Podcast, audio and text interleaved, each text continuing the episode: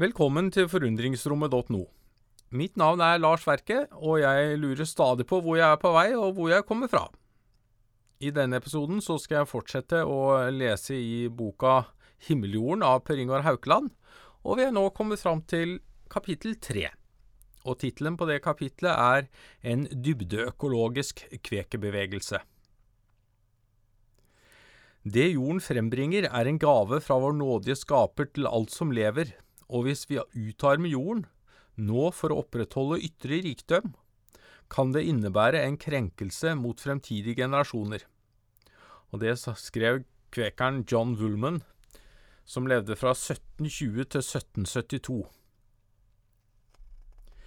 Kvekere verden over har i lang tid arbeidet med tilnærminger for å løse den økologiske krisen. Flere årsmøter har den siste tiden hatt, eller skal ha, dette som tema. I dette arbeidet ser jeg fremveksten av en dybdeøkologisk kvekebevegelse. Den dybdeøkologiske, livsfilosofiske tilnærmingen. Ness brukte ordet dypøkologi allerede tidlig på 1970-tallet for å beskrive den dypere tilnærming til økokrisen som han så vokse frem på 1960-tallet. Et eksempel på denne tilnærmingen er boken Silent Spring fra 1962 av Rachel Carson. Ness sier at om han er dypøkologiens far, er Rachel Carson dypøkologiens mor. Hun beskriver i boken på en saklig og vitenskapelig måte hvordan bruken av DDT i jordbruket ville ødelegge ikke bare annet liv, men også det livet vi mennesker selv er avhengig av. Ødelegger vi naturen, ødelegger vi oss selv.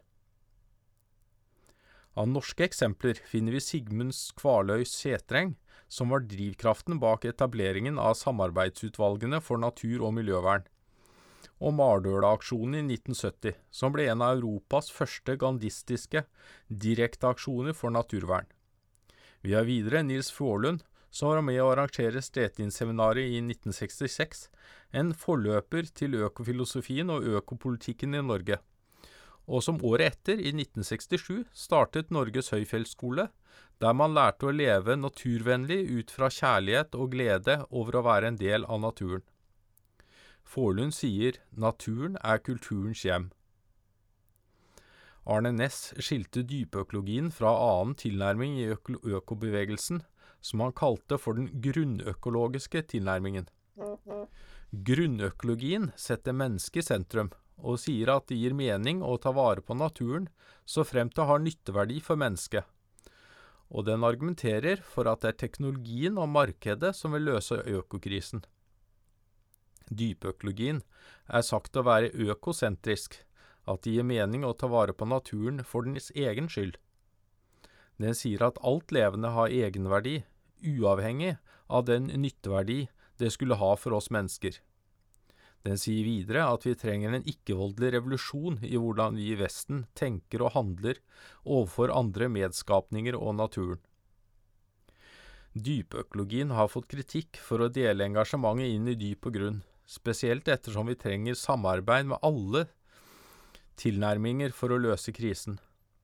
Den er også kritisert for sin økosentrisme, som noen har tolket som at den setter naturen i sentrum og tar mennesket ut. Det vil i så fall være å gjøre samme feil som tilhengerne av bevegelsen kjemper imot, nemlig den dualismen som ligger i det kartesiske verdensbildet. Men for å unngå misforståelser kan det være grunnlag for å bruke uttrykket dybdeøkologi. David Abram i Alliance for Wild Ethics bruker ordet dybdeøkologi for å unngå dykotomien mellom dyp og grunn og for å fremheve det han ser som hjertet i Arne Næss sin tilnærming, nemlig at vi er innenfor naturen, dypt forankret i den. Dybdeøkologien kan gi assosiasjoner til forholdet mellom nærhet og distanse. Jeg tror vi trenger nærhet for å kjenne på kroppen hvordan vi er situert i naturen, men vi trenger også en viss distanse for å se mulighetene i dagens situasjon for å heve blikket og se en annen fremtid som ikke umiddelbart er synlig nå. Jeg tror også folk trenger en viss distanse til alle negative tegn, for med dem er det lett å bli motløs. Men det er forskjell på distanse og adskillelse. Adskiller vi oss fra problemene, vil vi også adskille oss fra både årsakene til årsakene til dem og fra løsningene. Distanse er noe annet. Det kan helt enkelt bidra til å sette ting mer i perspektiv. Jeg ser derfor fire sider ved en dybdeøkologisk tilnærming til økokrisen. 1. Dybden i hvordan vi er situert og kan erfare verden gjennom nærhet og distanse. 2. Dybden i bevissthet om verdier og visjoner knyttet til endringer som må til. 3. Dybden i konsekvenser og planlegging for hvordan endringer kan forekomme. Og 4 dybden i de verdivalg vi tar i konkrete situasjoner. Et økoengasjement trenger et fundament i erfaringer og bevisstgjøring av hvordan vi selv er situert i samfunnet, kulturen og naturen. Vi trenger å utvikle et personlig og relasjonelt helhetssyn, noe Sigmund Kvaløy Setreng beskrev først som en økofilosofi, og Arne Næss som en økosofi. Arne sa at man kunne studere økofilosofi mens en økosof er noe mer personlig. Kvaløy Setreng forsto også økofilosofien slik, og det har gjort sitt til at vi har hatt to begreper i Norge for mye av det samme. En innvending som Kvaløy Setreng hadde til Arne Næss sitt begrep, var at det tok kjærligheten, filo på gresk, ut av det som driver innsikten fram, noe jeg også foretar, noe jeg også forsøker å ivareta ved å snakke om økofilosofi, økosofi, som livsfilosofi. Prefikset øko kommer fra det greske oikos, som vanligvis oversettes med husholdning, noe vi kjenner fra ordet økonomi, forvaltning av husholdningen, og økologi, studier av huset, forstått som livsgrunnlaget på kloden. Jeg velger heller å oversette ordet oikos med det norske ordet hjem, og tenker da på vårt hjem i livet. Sofia er gresk og betyr innsikt eller visdom, og filo er altså kjærlighet til eller venn av. For meg dreier økofilosofien seg da om kjærlighetsbasert innsikt i vårt hjem i livet. Det er hva jeg forstår med livsfilosofi. Det setter livet i sentrum, som noe alt levende er en integrert del av. Det bygger på en grunnleggende erkjennelse at en mygg er verken mer eller mindre i livet enn oss selv, selv om vi selvsagt forholder oss til og verdsetter mygg og mennesker svært forskjellig. Det er likevel noe grunnleggende vi deler, nemlig det at vi er en del av livsveven. Hva er det vi søker innsikt i? Hva ligger det i vårt hjem i livet? For meg representerer øko sammenhenger og helheter i tilknytning til vårt hjem i livet. Jeg opplever at det er fire sider ved livet som jeg opplever er viktig for at jeg skal føle meg hjemme der jeg er. 1. Troslivet, som jeg knytter til min gudsrelasjon og til min kvekforankring. 2. Naturlivet, som dreier seg om naturens åndelige og fysiske sider. Og 3. Samfunnskulturlivet, som knytter seg til det menneskelige fellesskap og til slutt fire, meg selv, som noe enhetlig i sjel, kropp og ånd. Alt dette føler jeg kan relateres til himmeljorden, og at det kommer til uttrykk der jeg er. Innsikten jeg knytter til livsfilosofien, er erfaringsbasert, noe både Arne Næss og Sigmund Kvaløy Setreng har vært svært opptatt av. Det var ikke nok å bare snakke om problemene, det måtte også behandles, og gjennom handlingen vil en ny innsikt oppstå. Kjærligheten som driver innsikten fram, er tuftet på erfaring. Hvordan kan du bli glad i noe, eller noen, uten å ha møtt det, eller den? Filosofen og etikeren Martin Buber snakker om å utvikle et jeg-du-forhold til den du møter, både som medmennesker og som medskapninger. Vi må forsøke å møte annet liv som subjekter, og forstå dem ut ifra deres livssituasjon, ikke som objekter som bare eksisterer for menneskenes formål. Den franske filosofen og, e filosofen og etikeren Levinas snakker om betydningen av å møtes ansikt til ansikt, for det er nettopp i slik nærhet at de etiske forpliktelsene overfor hverandre oppstår, forankres og utvikles.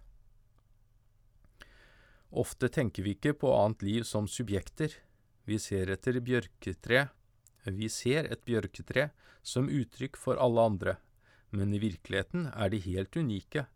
Samtidig føler jeg at vi alle har noe av Gud i oss, og at vi alle deler den samme livsvev. Klarer jeg å møte treet ansikt til ansikt og svare på det av Gud i det, kjenner jeg en samhørighet som gjør meg glad. Det er synd at folk som ikke har møtt andre skapninger i naturen som subjekter, skal legge føringer for hvordan vi behandler dem. Med utgangspunkt i erfaringer kan innsikt oppnås gjennom én kunnskap i form av abstrakt og logisk tenkning, noe jeg knytter til fornuften. To kjennskap i form av følelse og sansning. Og tre klokskap i form av intuisjon og skjelning. Livsvisdom bygger slik jeg forstår og erfarer det, på alle tre. Kunnskapen er en form for kartbasert innsikt. Kjennskapet er en form for terrengbasert innsikt, og klokskap er en kompassbasert innsikt. Det siste knytter jeg til det indre lyset som uansett hvor vi er, virker som et indre kompass og kan vise oss åndens ledelse. Vi lever så mye i kunnskapen at vi trenger å åpne oss mer for følelsene gjennom kroppens sanser og klokskapen som finnes i det indre lyset. Akkurat slik vi gjør når vi venter i den levende stillheten på åndens ledelse. Det er ikke en passiv venting, som når vi venter på bussen, men i stedet en aktiv venting, som går på å stille seg åpen. Åndens ledelse er noe som griper deg der og da. Den kan ikke planlegges, men den kan forberedes. Vi kan dermed snakke om to måter å erfare naturen på. Den ene er indirekte gjennom ordene, beskrivelsene, teoriene og de mentale kartene som vi bruker å orientere oss etter. Vi klarer oss ikke uten disse, men det er en klar forskjell på kart og terreng. Ordet bjørk, på fem bokstaver, er ikke treet utenfor vinduet mitt. Det kan vekke assosiasjoner til det, men jeg kan ikke klatre i ordet. Vitenskapen er et slik kart. Det kan si noe om hvor fort du faller ned fra en stige, men ikke hvordan det føles å falle. Vitenskapen forteller noe om virkelighetens abstrakte strukturer, ifølge Arne Næss, mens den mer direkte og spontane erfaring sier noe om virkelighetens konkrete innhold. Bjørktre vinker i vinden, som om det forsøker å si meg noe. Dveler jeg litt ved erfaringen, kan det kanskje oppstå en tanke eller et bilde av hva bjørka forsøker å formidle. Det er konkret og spontant, noe jeg forbinder til det av Gud i treet, det blir som et sendebud, akkurat som andre kvekere kan være det i stille andakt, når de reiser seg og snakker til din situasjon. Annet liv kan gjøre det samme, bare vi åpner oss, men ofte står vår tenkning og ordbildene og teoriene i veien, slik at vi ser bort ifra slike impulser og stempler dem som fantasi. Jeg opplever derimot at det er akkurat i det spontane og konkrete mellom meg og treet at Gud åpenbarer seg. En livsfilosofi er en kart, en tenkning, og vi bruker det for å orientere oss i terrenget, virkeligheten. Men det er også en praksis hvor slik tenkning og handling kommer sammen. Slik du tenker om naturen, er ofte slik du behandler den. Tenker du om den som en maskin, behandler du den deretter. Det finnes derimot ulike typer kart og tenkninger, og noen er klart bedre enn andre for at vi skal bedre orientere oss der vi er. Kartene vi bruker, er ikke noe vi fullt og helt, helt selv har laget. Det er som med språket, rammene for bruken er noe som har lang historie, og slike rammer finnes gjerne i språkets grunnleggende metaforer, slik som det å se naturen som en maskin. Det gjør sitt til at vi også begynner å tenke om hjernen som en datamaskin, hukommelsen som en harddisk og hjertet som en pumpe. Det er en mekanisk måte å tenke om seg selv og kroppen på, og det er svært forskjellig fra et kart som vektlegger det relasjonelle og organiske ved tilværelsen. Da kan hukommelsen ligge i relasjonene, i landskapet, og hjertet assosieres med kjærlighet. Religionene kan også være et grunnlag for det metaforiske språket, slik jeg med utgangspunkt i min kvekerforankring gjør det med himmeljorden. Samtidig som vi utvikler og forbedrer våre egne kart, kan vi også se på fellesnevnerne mellom kartene. Dette er det som griper tvers over de unike forskjellene. En slik fellesnevner for den dybdeøkologiske bevegelsen er formulert i en plattform i åtte punkter. Senere skal vi på tilsvarende vis forsøke å formulere en plattform for den dybdeøkologiske kvekerbevegelsen. Fremveksten av en dybdeøkologisk kvekerbevegelse. Et sterkt engasjement i kjærlighet til naturen og respekt for medskapninger har vært fremtredende blant kvekere helt siden George Fox hadde sin åpenbaring på Pendle Hill i 1652.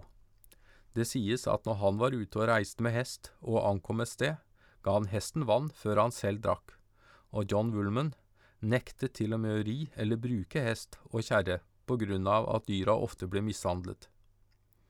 Da Greenpeace ble etablert i Canada i 1971, var kvekeren Irving Stowe sentral, inspirert av kvekernes stille vitne under atomprøvesprengningen i Stillehavet på 50-tallet. Ved å ta seg inn i sprengningsområdet med båt fikk de utsatt sprengningen og satt søkelys på kampen mot atomvåpen. Stowe ønsket å gjøre det samme i Alaska da en hydrogenbombe skulle prøvesprenges i et sårbart naturområde for annet sjøotere. Atomprøvesprengningene gikk ikke bare utover menneskeheten, men også våre medskapninger. Stowe hadde en spesiell tilnærming. Det var ikke bare han selv som skulle bære vitne, hele verden skulle være vitne til hva vi gjør mot kloden. Og slik ble det til at halvparten av mannskapet på den første aksjonen i 1971 var mediefolk. Det var ikke bare en fredsaksjon, men en grønn fredsaksjon, a green peace action. Det virker som om dette er en uro og et engasjement som flere kvekere føler på, og vi her kan se konturen av et nytt vitnesbyrd. Det er et vitnesbyrd som bæres frem i form av et ønske om bærekraftige endringer i måten man tenker og handler på i forhold til naturen. Vi kan derfor kalle vitnesbyrdet for et bærekraftsvitnesbyrd. Dette vil være et mangfoldig vitnesbyrd, for det er et mangfold, mangfold av grønne og bærekraftige livsstiler, avhengig av hvilken situasjon man er i. Selv om mange av oss deler den dybdeøkologiske tilnærmingen til krisen, er det ikke lett å skjelne hva vi skal gjøre der vi er.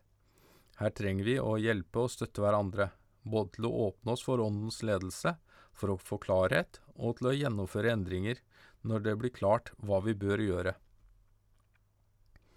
Kvekeren Alistair McIntosh satte i 1990 ord på hva mange av oss i den dybdeøkologiske kvekerbevegelsen erfarer på veien til en mer naturvennlig og bærekraftig livsstil.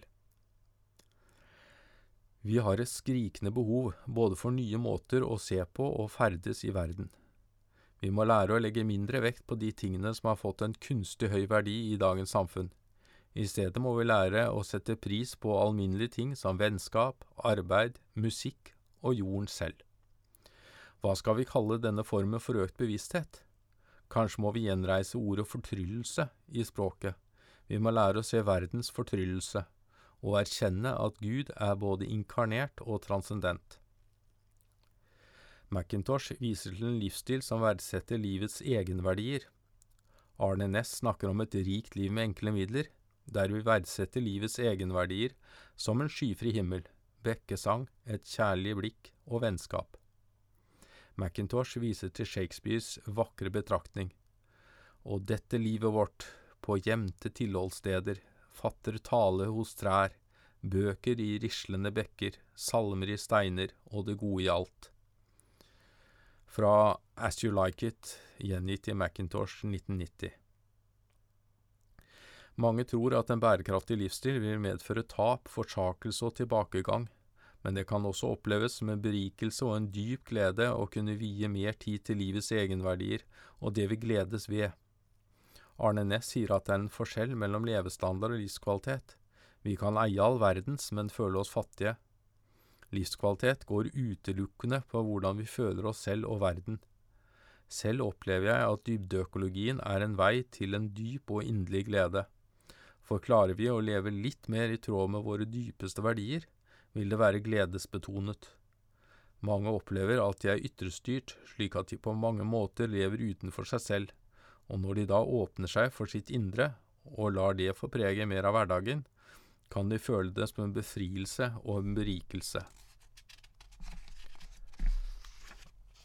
Den engelske krekeren Rex Ambler beskriver hva som synes å være i emning blant kvekere på veien til en naturvennlig livsstil. Vi er åpne for en ny ledelse fra Ånden, ledelse som ikke er bundet til gamle uttrykk for fortidens åpenbaringer. Vi erfarer Gud i skaperverket og i oss selv, verken over eller utenfor. Vi tenker på åndelighet som en aktiv forvandling av livet som skaper fred i verden, heller enn at vi passivt tar imot nåden. Vi er fylt av håp for verden fordi vi tror at Guds rike kan komme gjennom oss, det vil si gjennom vår måte å ta imot og gi svar til lyset og sannheten som vi har fått. Som et tegn for riket har vi utarbeidet vitnesbyrd mot vold, grådighet og en moralfilosofi som bygger på dominans. Ambler snakker videre om betydningen av Commonwealth, om å søke midler og mål i det som er til felles beste. Det er dette som ligger til grunn for alle våre vitnesbyrd. Ambler sier at problemene våre, også i forhold til økokrisen, er de samme som ligger til grunn for våre vitnesbyrd. At de oppstår ut fra menneskenes grunne, overfladiske jag etter velstand for oss selv, uten tanke og omsorg for andre, og at vi tror, feilaktig, at materielle midler er eneste vei til målet. Svaret er, ifølge Ambler, at vi må overbevise folk om at de kan finne velstand og lykke i samfunnets allmenninger, og utnytte disse på en fredfull og ikke-voldelig måte. Vår velstand ligger i det vi har felles, vår felles identitet og felles formål som mennesker. Det er disse vitnesbyrdene som nå også er like aktuelle i forhold til naturen. Ambler viser til at kirkefaderen Augustin pekte på at naturen er en form for allmenning, hvor alle levende vesener på sin måte fremmer andres interesser. Forskjellen nå, kan vi si med Ambler, ligger i bevisstheten om hvordan menneskenes allmenninger henger sammen med naturens allmenninger. Vi er blitt mer klar over dette som livets allmenninger. Dette må vi ta inn over oss når vi nå skal arbeide for en bedre verden. Utover på 1980- og 1990-tallet vokste engasjementet for jorden blant kvekere. I USA ble Friends Committee on Unity with Nature, FCUN, etablert. De har senere byttet navn til Quaker Earthcare Witness. Og de gir ut tidsskriftet Befriending Earth og Quaker Eco Bulletin. De beskriver arbeidet sitt som følger. Vi er kalt til å leve i rett forhold til hele skaperverket for vi erkjenner at alt i hele verden står i en inderlig forbindelse med hverandre og er en manifestasjon av Gud. Vi arbeider for å integrere i kvekernes tro og praksis den sannhet at Gud, Guds skaperverk skal respekteres, beskyttes og æres for sin egen del, og den sannhet at alt menneskelig håp om fred og rettferdighet avhenger av at vi klarer å gjenopprette jordens økologiske balanse. Vi fremmer disse sannhetene ved å være forbilder og eksempler, ved å formidle vårt budskap og å gi åndelig og materiell støtte til dem som har engasjert seg i den oppgaven som er lagt på dem for å forandre vårt forhold til jorden. Et annet viktig magasin i USA er Earthlight, som kom ut i perioden 1988 til 2005, som ble stiftet av Pacific Yearly Meeting, Committee on Unity with Nature, med følgende formål å leve, formidle og feire et vitnesbyrd som kan vekke til live vår hellige forhold til den levende jorden. Det har en betydelig dybdeøkologisk profil. I Strawberry Creek, kvekermøtet i California, finnes en gruppe kvekere som kaller seg for Deeper Ecology Group. I Irland har irske kvekere nettopp etablert en gruppe de kaller for Eco, Eco Quakers. I Australia har årsmøtet i 2008 sendt ut et Earthcare Statement der det står Vi er kalt til å se hele verden som et sjelfullt hele, til ikke å godta noen grense når det gjelder å preparere, reparere og opprettholde jorden for fremtiden, og til dypere å sette pris på den skapende energien i alt liv og alle livsprosesser. I Storbritannia ble Quaker Green Concern etablert i 1986 for å arbeide for en mer økologisk bærekraftig fremtid. I 2001 publiserte de et viktig dybdeøkologisk dokument, A Call for Action, som jeg vil komme tilbake til nedenfor. Quaker Green Concern byttet navn i 2002 til Quaker Green Action for å sette mer fokus på aksjonsrettet program. Deres perspektiv er 1. Hele livet er sakramentalt. 2. Vi burde gjøre vår personlige tro dypere og uttrykke den gjennom vår egen livsstil. Og tre, vi bør prøve å gjøre vår egen livsstil bærekraftig. I det britiske årsmøtet finnes et spennende prosjekt kalt Living Witness Project, bærekraftvitnesbyrde, som vektlegger praktiske aktiviteter for å fremme en bærekraftig livsstil. Den første fasen i prosjektet ble en stor, stor suksess, med mye engasjement i over 24 kvekergrupper i Storbritannia, og i dag har dette vokst til over 60. Living Witness Project og Quaker Green Action er nå slått sammen til Living Witness Quakers for Sustainability. Livsstilsvitnesbyrd, kvekere for bærekraft.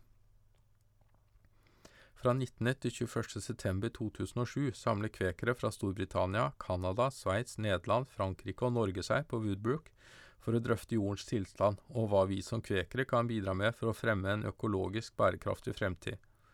Samlingen vekslet mellom andakt, andaktssamtaler og bevisstgjøring. I arbeidsgrupper jobbet vi med flere spørsmål. 1. Hva er den mest presserende miljøutfordringen for menneskeheten i dag? 2. Hva slags eksterne, ikke-kvekerske responser til økokrisen kommer vi borti i vårt arbeid? Hva er grunnleggende, og hva er ikke? 3. Er økologisk arbeid viktigere for kvekere enn freds- og menneskerettsarbeid? Og 4. har vi et unikt kvekerbidrag til å løse økokrisen. Mary Lou Leavitt, en engelsk kveker som hadde ansvaret for å formidle det møtet var samlet om, pekte spesielt på to sider ved slik kvekerbidrag. 1. vår åndelige forankring og forpliktelse til å vitne, og to, måten vi gjør ting på. Vi må bygge vårt arbeid på det vi er gode på, vår forretningsmodell og vår åndelige plattform vår evne til å bringe folk sammen, vår evne til å gi slipp, starte ting og deretter la andre ta over, vår evne til å gå sammen med andre, ikke-voldserfaringen, og for vår forståelse av at vi skal la våre liv tale. En dybdeøkologisk veksttilnærming til økokrisen betyr ikke at vi ikke skal jobbe med en ny grønn teknologi, eller at vi ikke er opptatt av det menneskelige, tvert imot, men vi ser det i en dypere sammenheng, mange erfarer at det finnes noe av Gud, ikke bare i mennesker, men også i ethvert levende vesen og i naturen. Vi føler at dette er noe som bringer oss nærmere våre medskapninger i livsveven, og som samtidig vil få innvirkning på hvordan vi forstår og forholder oss til jorden, vårt felles hjem. Ved å kalle denne tilnærmingen for dybdeøkologisk vil vi kunne bygge broer til veldig mange andre engasjerte mennesker og organisasjoner, og nå ut til kulturer og religioner verden over, som arbeider med samme tilnærming. Det dybdeøkologiske treet. Ness beskriver den dype økologiske bevegelsen i form av fire sammenvevde nivåer. 1. Dypere premisser og verdier. 2. Felles plattform. 3. Generelle konsekvenser. Og fire Valg og handlinger i konkrete situasjoner. Det første nivået dreier seg om en bevisstgjøring av de dypere premisser i vår livsfilosofi. En felles plattform, nivå 2, er formulert i åtte punkter, og er noe folk i bevegelsen kan enes om, og som gjør at det er en felles bevegelse. Generelle konsekvenser på nivå 3 må utredes og handlingsplaner utvikles for å legge grunnlag for konkrete valg og handlinger i konkrete situasjoner på nivå 4. For å visualisere sammenhengen mellom disse nivåene og mellom dyp erfaring og konkret handling, bruker jeg det samme bildet som jeg brukte i utviklingen av min livsfilosofi, livstreet. Men i denne sammenheng er det ikke snakk om et individ, men en gruppe av individer som søker sammen i den dybdeøkologiske bevegelsen. Derfor kaller jeg dette for det dybdeøkologiske treet. Det består som livstrøye av fire nivåer, som tilsvarer de som Arne Næss forfekter. 1. Røttene livsfilosofier. Røttene knytter seg til mangfoldet av livsfilosofier for vår åndelige forankring og erfaring. Det sier noe om hvor de som er med i bevegelsen, kommer fra. Det finnes noe felles i disse livsfilosofiene som bringer dem sammen. 2. Stammen, felles plattform. Ut av mangfoldet på nivå 1 kan det utvikles en felles plattform som uttrykker det de unike medlemmene føler de har til felles, og som gjør at det kan snakkes om en enhetlig bevegelse, en felles plattform av verdier og visjoner. 3. Grenene mangfoldige konsekvenser. Grenene representerer de områdene tilhengerne av bevegelsen befinner seg på, noe som igjen er mangfoldig, og som kan representeres med ulike forgreininger. Utfordringen på dette nivået er å se hvilke konsekvenser den felles plattformen får for der vi er, kanskje som arbeidstaker, forelder, organisasjonsmedlem osv. Hvert av disse områdene krever handlingsplaner som både ser på hemmere og fremmere for hvordan man skal realisere plattformen. Dette nivået vil bli mangfoldig, som nivå 1. Noen jobber med skole, andre med politikk, økonomi og andre ting. Vi trenger dem alle. Og fire frukter, valg og handling. Nivå fire sier noe om hvordan livstreet blomstrer, eller hvordan fruktene på treet er, og det dreier seg om praksis, handling og livsstil, sett spesielt i forhold til de valg vi tar i konkrete situasjoner. Vi står i butikken og ser på hyllene. Hva gjør vi? Vi tenker på å kjøpe en ny bil. Hva gjør vi? Dette dreier seg om hvordan vi bærer vitne der vi er, og selv om valgene og handlingene er mangfoldige, vil de gå i retning som realiserer plattformens felles verdier og visjoner. Alle nivåene av treet står i et inderlig forhold til hverandre. Det er ikke en lineær, men en mer sirkulær sammenheng mellom delene av treet, akkurat som årstidene. Det betyr at det kan begynne med en handling som tvinger deg til å se nye konsekvenser, og at du må legge nye planer, og du må bli mer bevisst hvilke verdier du vil bygge din framtid på, som igjen skaper en ny erfaring for deg. Det er likevel her at utfordringene står i kø. For, for det første er det en utfordring å åpne seg for de dype erfaringer med det av Gud i naturen. For det andre er det en utfordring å avlære det vi til nå har lært om naturen som noe der ute, og utvikle en ny innsikt og bevissthet om sammenhengene i naturen, og hvilke verdier og visjoner vi har for å samhandle med naturen. For det tredje er det en utfordring å sette disse verdiene og visjonene ut i livet.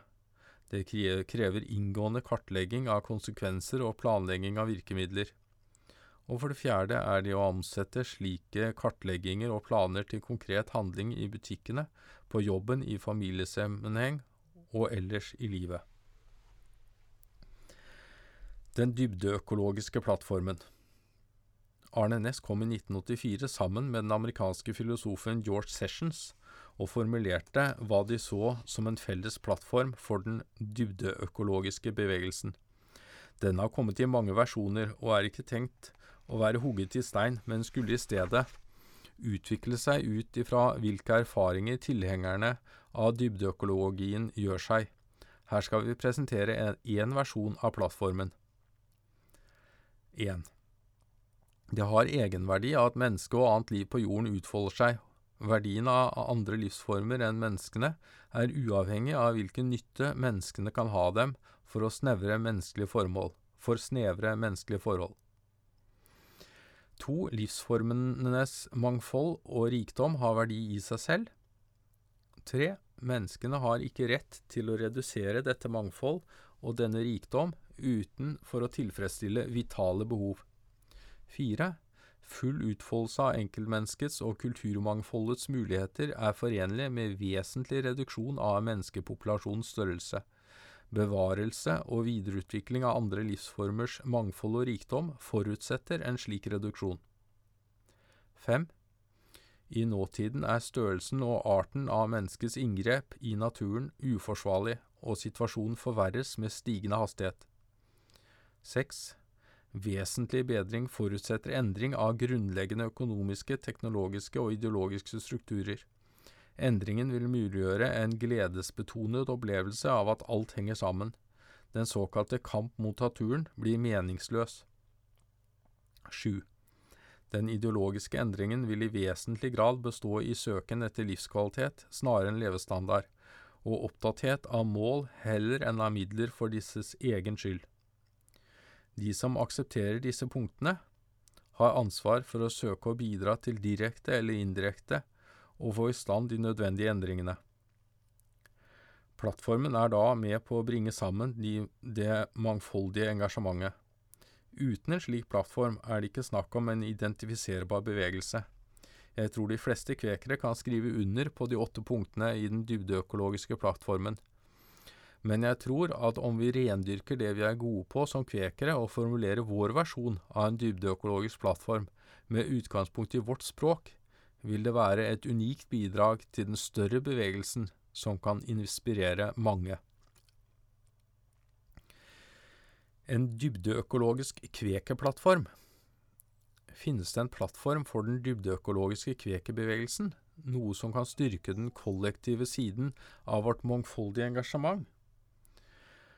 Da jeg fant en uttalelse skrevet av kvekere i det britiske årsmøtet mens de var samlet i 2001 for å arbeide med temaet om å vitne for det av Gud i hele skaperverket, fant jeg at dette uten tvil var en slik dybdeøkologisk plattform. Jeg følte at bedre kan det knapt formuleres. Jeg har sammenfattet denne uttalelsen i følgende sju punkter. 1. Under Åndens ledelse møter vi Gud i livets skjøre vev i våre medmenneskelige relasjoner og i jordens frydefulle skjønnhet, i denne planeten som er vårt hjem. Vi jubler og feirer at vi er ett med Gud i skaperverket. Et slikt møte leder oss til dyp respekt og ydmykhet idet vi erkjenner at vi mennesker bare er en del av en slik kompleks og vidunderlig vev. 2. Vi mennesker eier ikke planeten, men har ansvar overfor dagens og framtidige generasjoner og overfor jorden og alle dens ressurser. Jorden er en gave vi skal verdsette og gi videre med stor omsorg. Vi er flaue over at vi gjør slik skade på den gaven. 3. Vi har valget mellom liv i overflod og en systematisk ødeleggelse av vårt eget miljø slik at det blir ubeboelig. Skaperverket stønner og lider under byrden av menneskenes utnyttelse og forbrukeravguderiet, som ofrer vår felles framtid på grådighetens alter. Det kaller oss til handling, og det haster. Frykt og fortvilelse er normale menneskelige reaksjoner når vi står overfor overveldende ødeleggelse, men likevel kan vi bli frigjort av Ånden til å leve livene våre på radikalt annerledes måter der vi utfordrer forbrukerkulturen.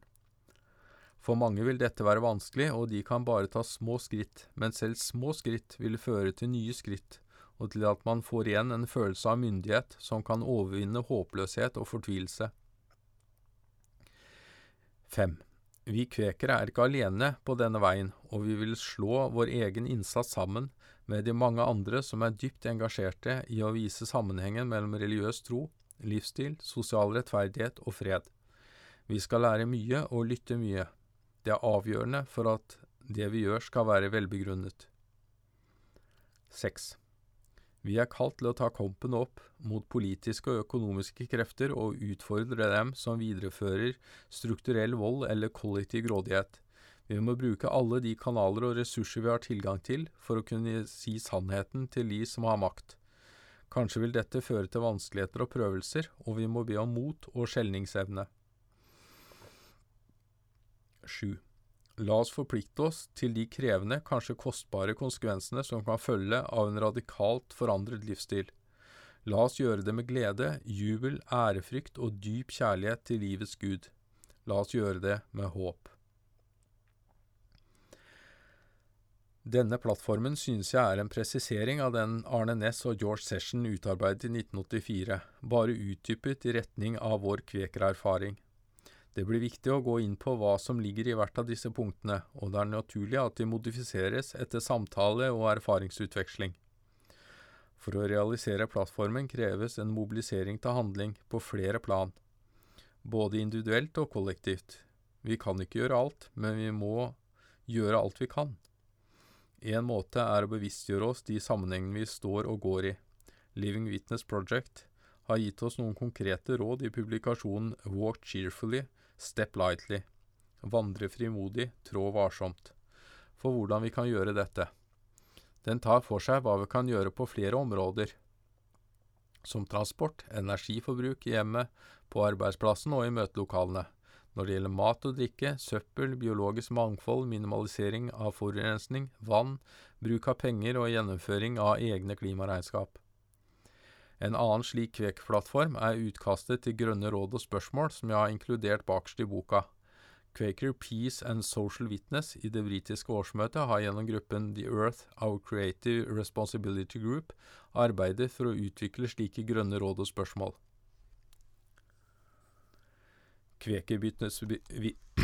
kvekervitnesbyrdene som bærekraftsvitnesbyrd. Det utvidede, det utvidede kvekervitnesbyrdet kan oppfattes som et bærekraftsvitnesbyrd.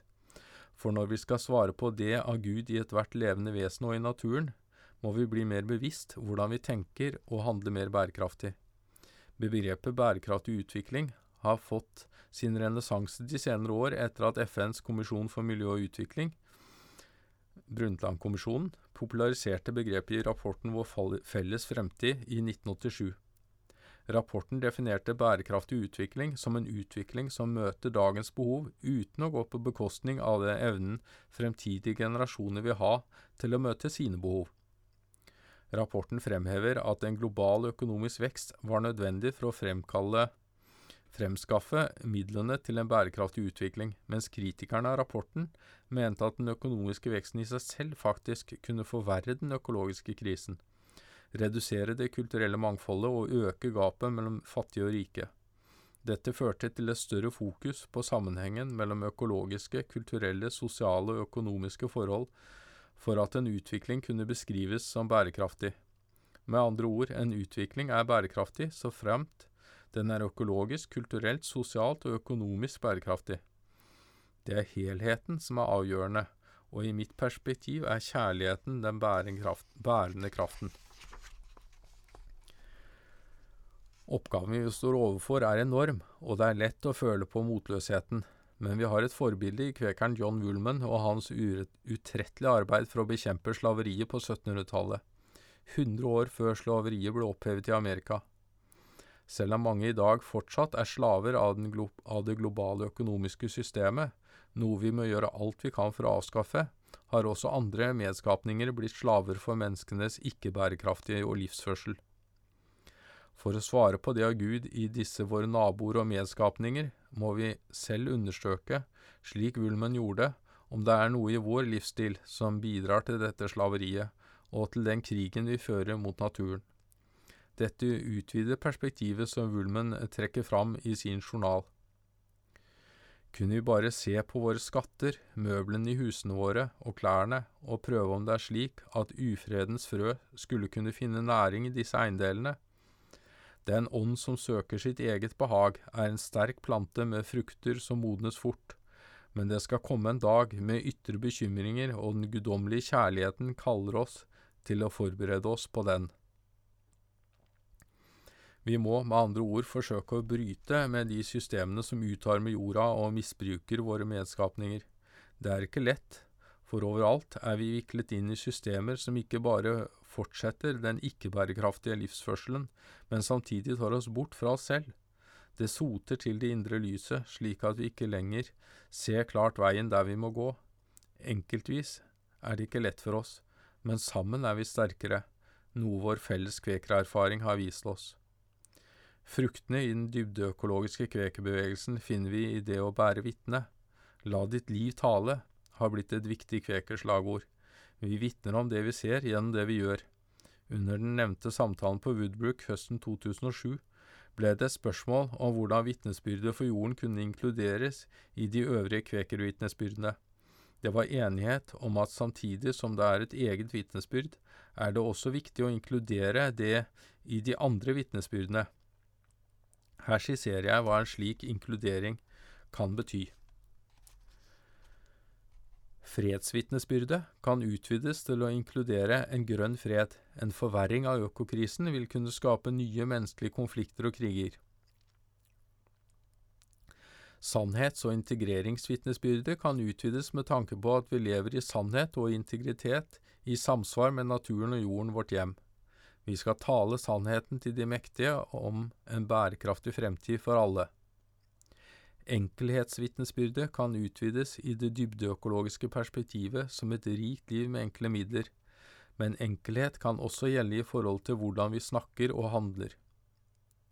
Likhetsvitnesbyrdet kan utvides til å inkludere en grunnleggende likhet i livsveven, at vi alle er verken mer eller mindre i livet.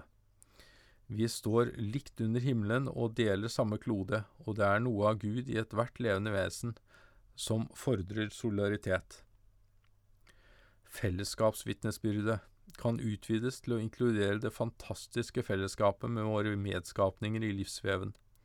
Er vi oppmerksomme på det fellesskapet av levende vesener som er på stedet der vi bor? Jeg tror at når vi vitner om det av Gud i alt levende, og når vi utvikler vår, vårt bærekraftsvitnesbyrd, vil dette berike og styrke de øvrige vitnesbyrdene. Noen vil kanskje mene at det er så mange menneskelige problemer som vi må ta oss av først, før vi kan tenke på naturen, men det blir mer og mer tydelig hvordan omsorg for naturen også er omsorg for menneskene. Det er likevel viktig å respektere at ikke alle har anledning til å engasjere seg like sterkt i alle vitnesbyrdene. For noen vil fredsspørsmål bety mest, for andre er det en økologisk bærekraftig livsstil. Samtidig er det viktig å se på sammenhengene og kanskje samarbeide mer på tvers av våre ulike engasjement, slik at vi ikke bare fremstår individuelt, men også kollektivt. For sammen utgjør vitnesbyrdene en helhet, og når vi handler sammen, vil vi stå sterkere for en fredfull, rettferdig og bærekraft, bærekraftig framtid.